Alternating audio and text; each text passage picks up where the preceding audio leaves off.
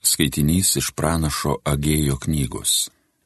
Antraisiais karaliaus Darijaus valdymo metais, šeštojo mėnesio pirmąją dieną, per pranašą Hagajį buvo perduotas viešpatie žodis judo valdytojui Zerubabeliui, Šeltielių sūnui ir vyriausiam kunigui Jozujai, Jehocadako sūnui. Šitaip kalba kareivijų viešpats. Šioji tauta sako, dabar dar nelaikas atstatyti viešpatie šventyklą. Tad pranašas Hagais perdavė viešpatie žodį. Ar laikas dabar jums gyventi savo apmuštuose namuose, tuo tarpu, kai šitie namai tebestovi sugriuvę? Tad štai dabar, sako kareivijų viešpats, nagi pagalvokite, kaip jūs gyvenate. Jūs gausiai pasėjate, bet mažą suvalote, jūs valgote, bet nesate sotus Jūs geriate, o atsigerti negalite. Nors turite kuo apsirengti, tačiau nesušylate, o jei kas užpelno, į keurą tai įdeda kapšą. Štai ką sako kareivijų viešpats. Todėl pagalvokite, kaip jūs gyvenate. Kopkite į kalnus, paruoškite miško ir atstatykite šventyklą, kad aš jie gerėčiaus ir būčiau pašlovintas. Tai sako viešpats. Tai Dievo žodis.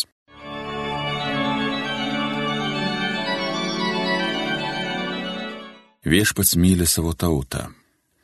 Viešpačiui naują giesmę gėdokit, garbinkit jį susibūrę šventieji, savo kūrėjų Izraelį žavėkis, džiūgaukit Jeruzalės sūnus, turėdami tokį valdovą. Viešpats myli savo tautą. Šlovinkit viešpatį, susibūrę ratelin, muškite būgnais, kankliuokit, Myli jisai savo tautą, pergalę puošia silpnuosius. Viešpats myli savo tautą. Džiaugsmas garbė jums šventieji, linksmybė jūsų buveiniai, valiuodami garbinkit Dievą, tai jums garbė bus Dievo šventieji. Viešpats myli savo tautą.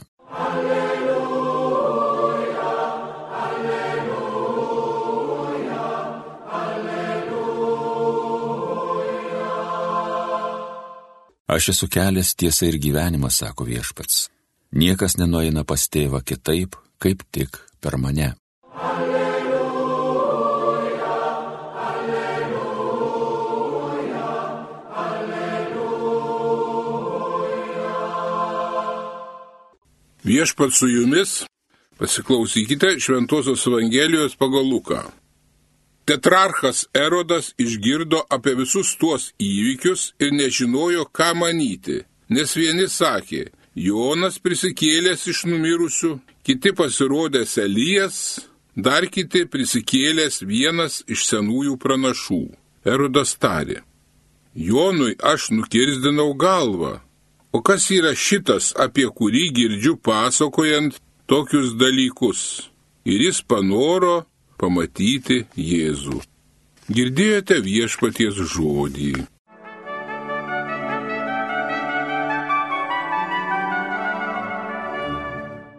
Mėly ir brangus Marijos radio klausytojai.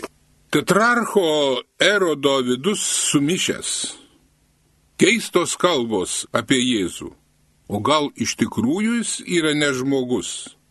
Todėl Mes nežinome jo vidinio gyvenimo.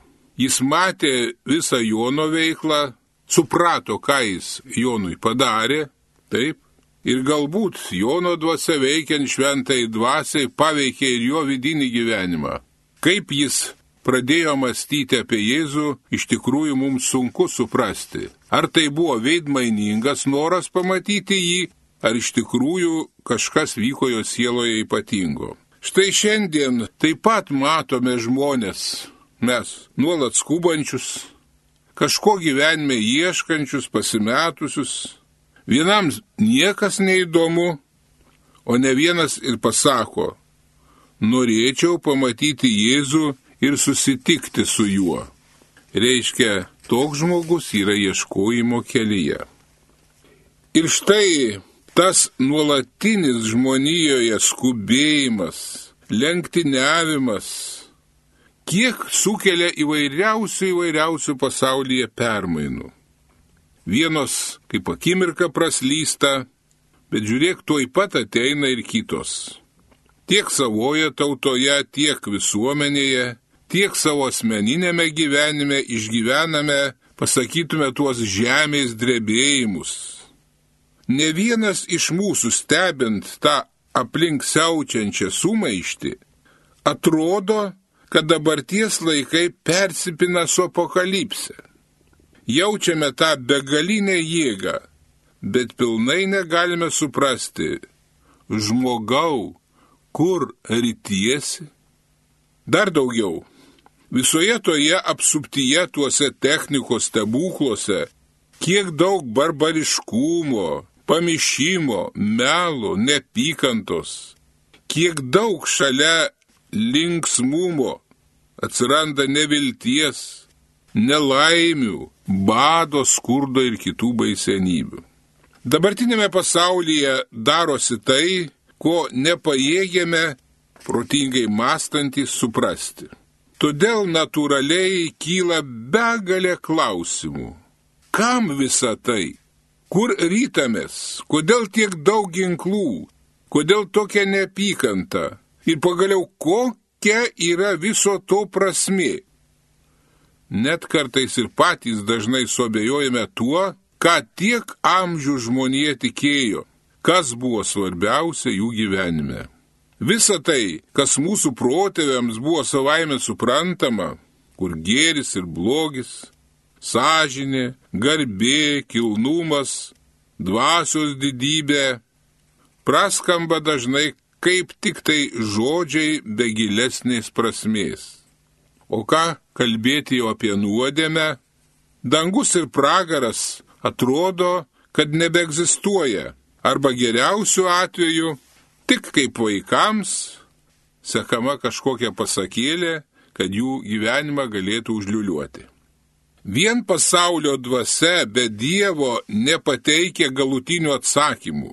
Todėl žmogus užsisklendęs tik asmeniniuose interesuose, vis bėgdamas pirmin, skundžiasi, kad jam nėra laiko.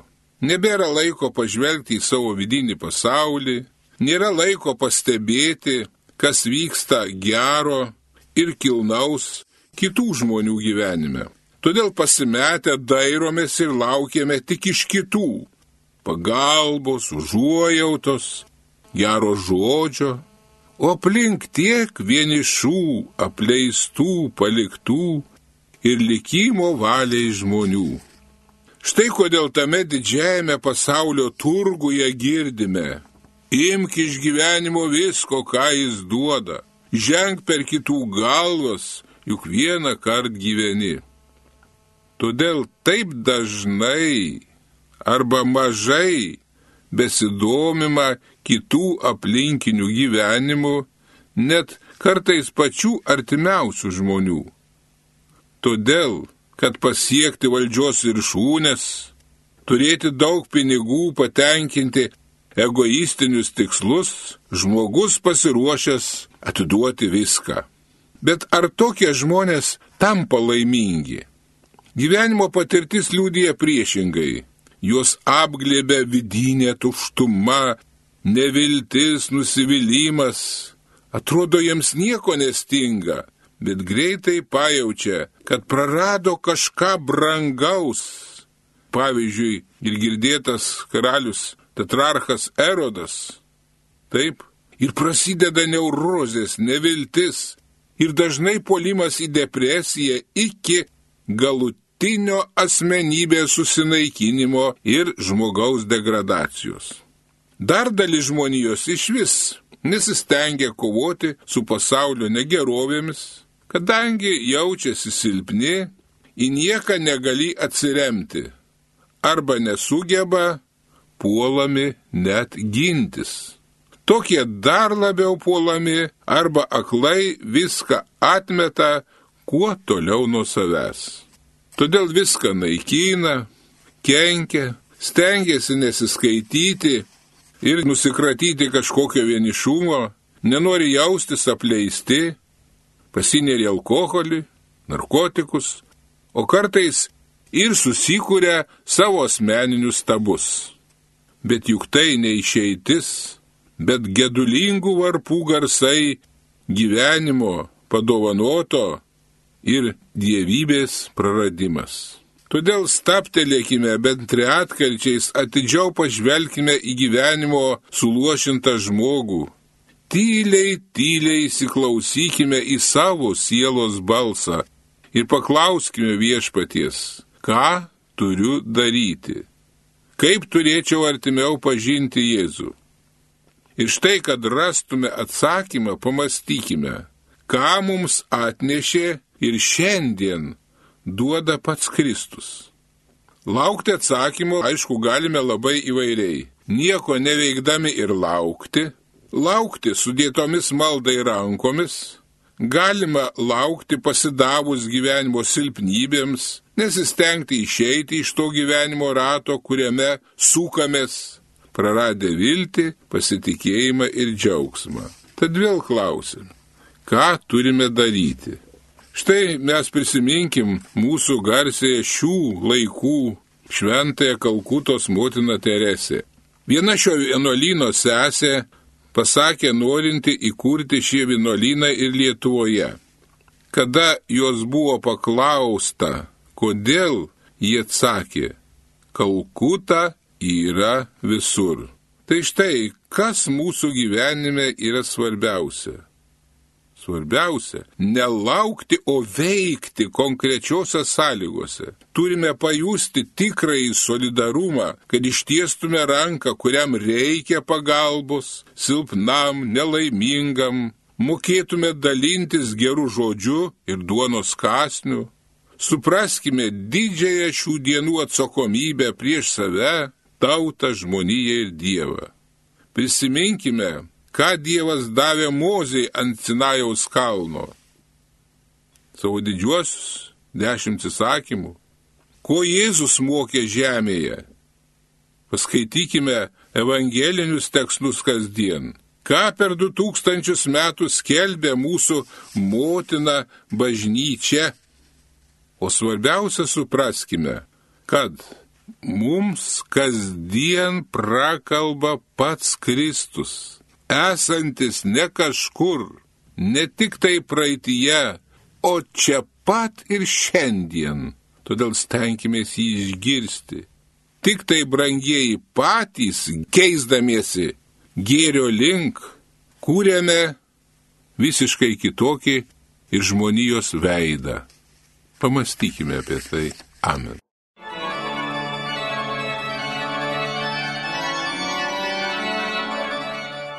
Homilija sakė profesorius, habilituotas teologijos mokslų daktaras, prelatas Vytautas Steponas Vaičiūnas.